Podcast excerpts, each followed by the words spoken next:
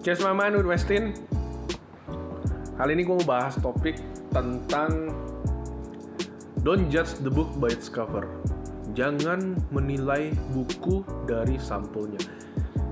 Ini adalah sebuah proverb kali ya dari Inggris.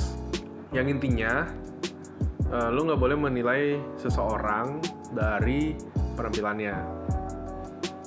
Gua sih sangat setuju sih dengan uh, poin-poin yang maksudnya disampaikan oleh peribahasa tersebut ya poin-poinnya contohnya kayak ya lu lu nggak jangan langsung main ngeremehin orang aja karena gara-gara lu ngeliat penampilannya lu nggak boleh nggak uh, ngehargai orang itu. Karena misalnya jangan mentang-mentang dia uh, penampilannya menurut lu berantakan atau penampilan yang gak sesuai dengan ekspektasi lu ya lu nggak boleh nggak ngehargai dia lah gitu intinya. Tapi yang mau gue bahas adalah kalau memang penampilan bukan menjadi suatu parameter kita untuk menilai orang pertama kali ya gimana bagaimana caranya kita menyampaikan masa kita menilai orang tersebut soalnya ini sangat bertentangan dengan uh, pernah dengar gak sih kalau first impression matter gitu? Jadi kalau lo misalnya interview kerja misalnya atau misalnya lo ketemu orang untuk pertama kalinya ya tentu lo pasti bakal berpenampilan semenarik mungkin kan? Dengan tujuan diterima kerja atau mungkin ya lu bakal uh, orang yang nanti bakal ketemu dengan lu bakal tertarik dengan lu gitu. Karena memang penampilan lu yang menarik. Jadi uh, di satu sisi don't judge the book by its cover mengajarkan kita untuk lebih menghargai orang sih. Tapi di satu sisi first impression is matter gitu. First impression itu penting untuk membuat orang memutuskan untuk ya menerima lu atau enggak gitu. Untuk memutuskan untuk mau mau berlanjut bergaul sama lu apa enggak? Lanjut berbincang dengan lu apa enggak? Bener gak sih? Soalnya gue bingung gitu. Jadi kayak ini gak sih? Double standard gak sih? Lu ngomong jangan nilai orang dari penampilan dong. Tetapi saat ada orang penampilan kayak gembel ngetok pintu rumah lu lu nggak buka gitu jadi double standard sih. Kalau uh, cover yang dimaksud dengan peribahasa itu adalah warna kulit, bentuk muka, dan bentuk fisik, mungkin gue masih bisa setuju karena itu adalah uh, apa ya hal yang mungkin kita nggak bisa ubah ya kalau lu menemukan kasus ya seperti seperti kayak du, dulu kan di, di di di Eropa atau di Amerika sana kan memang rasisme kan sangat sangat kental ya kayak kulit hitam dan kulit putih yang mungkin mereka menggunakan itu untuk kasus rasisme ya make sense sih. Karena itu itulah yang mungkin dimaksud dengan sesama manusia gitu harus menghargai. Gini loh gimana dengan lu dihadapkan pada situasi yang mungkin bisa mengancam keselamatan lo. Kayak lo lagi di mobil lagi di lampu merah tiba-tiba ada orang tatoan pakai jaket kulit misalnya. Orang tatoan pakai jaket kulit sangar serem terus ngetok kaca lo. Lo pasti berasumsi bahwa orang itu wih serem amat nih ini ini penjahat ini begal nih. Gitu kan? Ya walaupun belum tentu maksud dia itu punya niat jahat tapi lu pasti dalam diri lu tuh pasti menimbang-nimbang kan ini orang maunya apa nih? Kenapa malam-malam lagi lampu merah ngetok ngetok mobil gua gitu? Bisa aja dia ngetok ngasih tahu kalau ban lu kempes nih misalnya gitu kan. Cuman kalau lu timbang dengan pertimbangan-pertimbangan penampilan termasuk ya pasti bakal beratnya ke wah ini orang begal nih. Bener gak sih Gak mungkin dong lo, enggak siapa tahu dia memang punya niat baik terus pas lu buka dia keluarin parang, lu dibacok lagi. Itu kan konyol gitu loh menurut gua. Konyol banget. Jadi even dalam penerapan secara harafiahnya di toko buku kan ngomongnya don't judge the book by its cover. Tapi untuk bisa ngelihat isi dari buku itu lu harus menilai dulu dong dari sampul bukunya kan bener nggak? Lu lihat oh sampul bukunya begini baru lu mendekat ke buku itu. Baru lu lihat ini bukunya tentang apa sih baru lu baca judulnya. Setelah lu baca judulnya baru lu tertarik nih untuk membelinya. Baru pas lu beli baru bisa dibuka kan segel plastiknya. Jangan jangan jangan kayak lu yang di Gramedia mau baca komik nggak dibeli malah dibuka segel baca di raknya. Nggak boleh begitu ya. Nggak nggak nggak. Kita kita ngomongin uh, cara menilai buku yang wajar aja. Uh, iya. Jadi lu lu baru bisa membaca isi dari buku itu, lu bisa menilai buku itu baik apa enggak. Memang setelah lu membaca isinya, tetapi yang menarik lu untuk untuk memutuskan lu mau beli itu buku apa enggak ya pasti dari penampilan utamanya dari dari sampulnya dari covernya. Nggak bisa dipungkiri sih. Sama juga sih dengan manusia. Ya awal kan pada saat lu pertama kali ketemu orang ya let's say lu uh, let's say lu ngedate deh sama cewek gitu. Uh, sebelumnya lu belum pernah ketemu dia ya paling lu pernah ngobrol ya paling ngobrol via WhatsApp deh gitu kan uh, pasti ya kalau pada masa pendekatan ya pasti yang akan ditampilkan yang baik-baik dong yang bagus-bagus dong. Maksudnya ya pasti sama-sama bakal jaim gitu kan. Uh, pas ketemu juga pasti kalian akan memberikan penampilan kalian yang terbaik gitu. Ya kalian pasti bakal pakai baju yang rapi untuk memberikan penampilan yang uh, membuat satu sama lain saling tertarik gitu. Kalau untuk contoh-contoh seperti itu menurut gue don't just the book by its cover kurang, kurang relevan sih. Gimana pun orang akan tertarik setelah melihat penampilan. Orang bakal menilai dari penampilan. Coba kalau misalnya misalnya lo dihadapkan sama dua orang cewek satu penampilannya ya cantik lah rapi sesuai yang lo mau yang satu lagi penampilannya kurang lah gak serapi cewek yang pertama gitu. Ya pasti lo bakal lebih tertarik untuk ngobrol sama yang penampilannya rapi dong. Dengan uh, dengan dia berpenampilan rapi lo pasti bisa menilai bahwa oh ini cewek setidaknya pintar uh, bisa merawat diri nih. Buktinya dia bisa uh, menjaga penampilan dia dengan rapi. Setidaknya lo udah bisa menilai itu dan menilai kan ngejudge kan? Ya sebenarnya itu menjadi sebuah pertanyaan sih kayak pernah nggak sih uh, dengar orang ngomong oh lu jangan nilai orang dari penampilannya dong karena lu nggak bakal tahu apa yang bisa dia lakuin. Lu lihat tuh tokoh-tokoh terkenal orang-orang terkenal cukup bisa diterima sih bahwa lu tuh nggak boleh nilai orang dari penampilannya. Cuman cuman uh, eh, gue masih ada beberapa ini sih beberapa hal yang ingin gue tanyain sih tapi gue bingung mau nanya ke siapa. Pertanyaannya kayak gini. Kalau misalnya misalnya uh, let's say orang ya secara general lah ya orang-orang yang in the end dia berhasil karena masa lalunya mereka mengalami uh, diskriminasi penampilan coba kalian bayangin kalau mereka nggak mengalami itu. Apakah mereka akan menjadi orang yang sebesar sekarang bener gak sih? Karena karena gue percaya sih sedikit banyak uh, remehan-remehan orang yang mereka terima itulah yang membentuk mereka menjadi karakter yang membangun mereka gitu. Karakter yang uh, tahan banting gitu. Karakter-karakter yang uh, pokoknya gue mau buktiin deh ke orang-orang kalau gue tuh bisa. Ngerti gak sih pertanyaan gue? Kalau misalnya mereka nggak ngerasain uh, diskriminasi penampilan pada saat itu apakah mereka akan seberhasil sekarang? Intinya gitu deh. Penasaran sih. Ya who knows?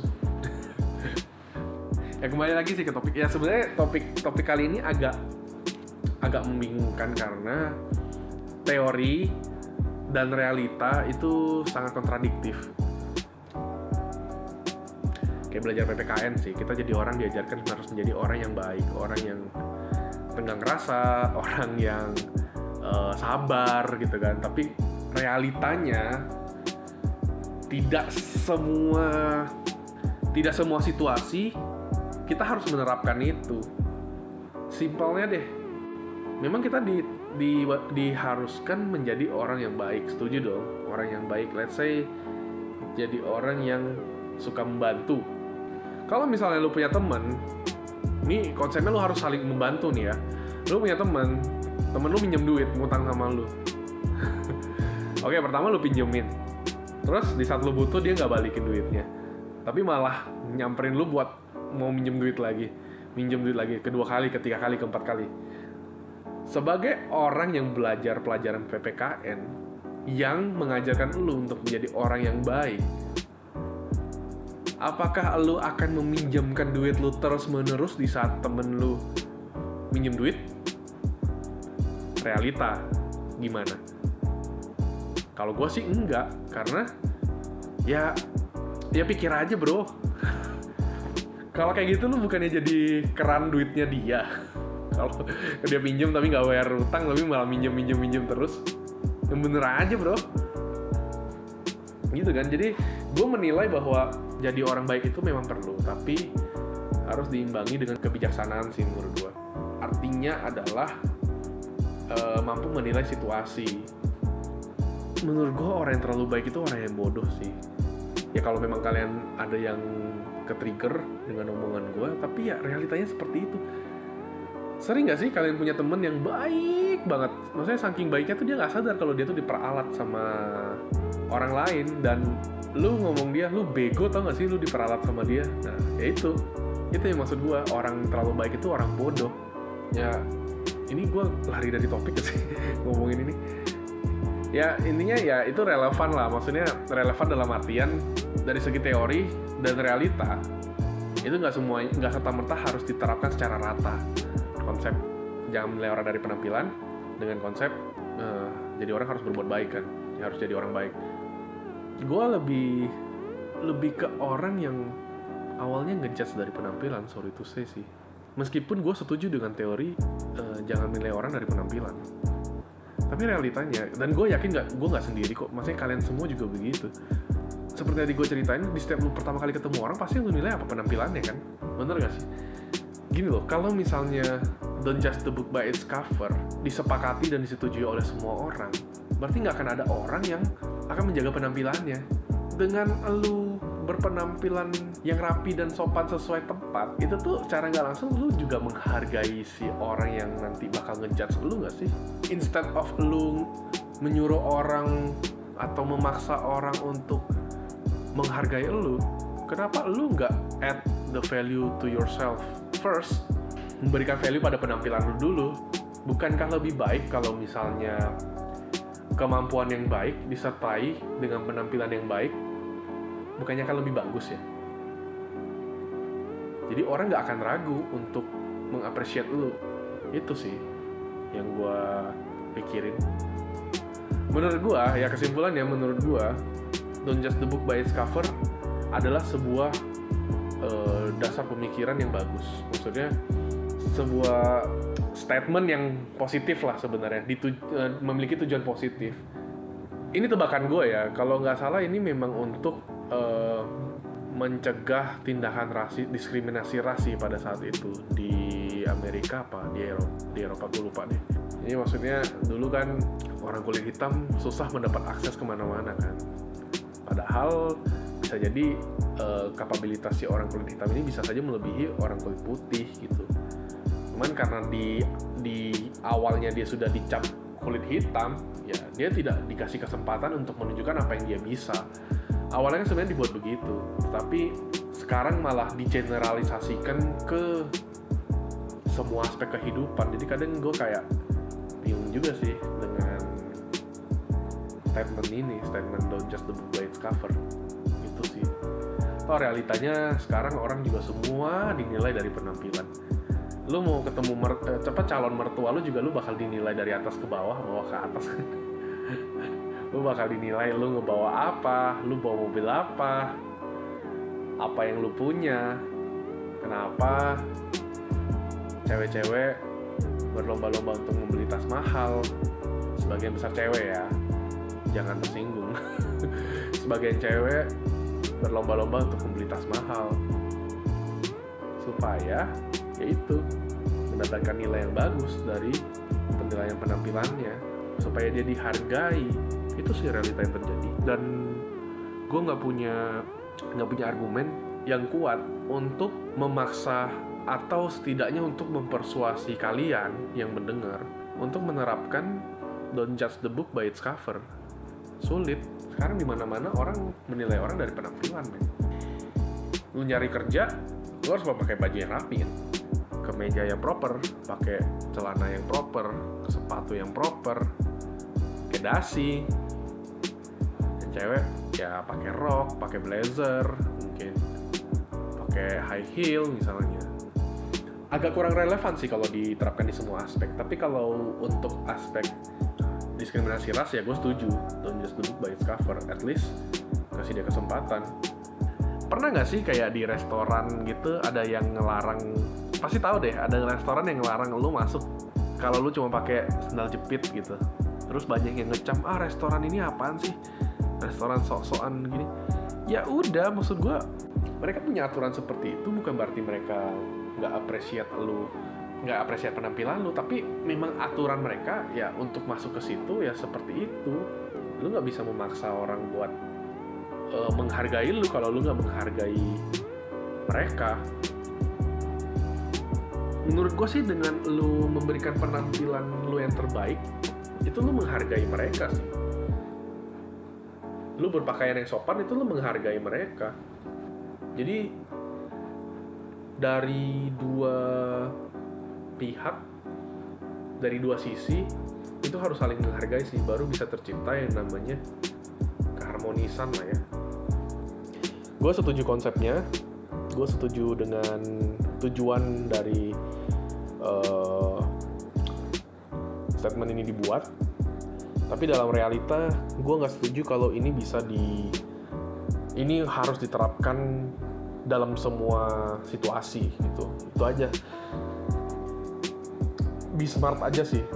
Jangan jangan jangan menjadi orang yang uh, terlalu lugu untuk menerapkan statement ini dalam semua aspek dalam semua situasi.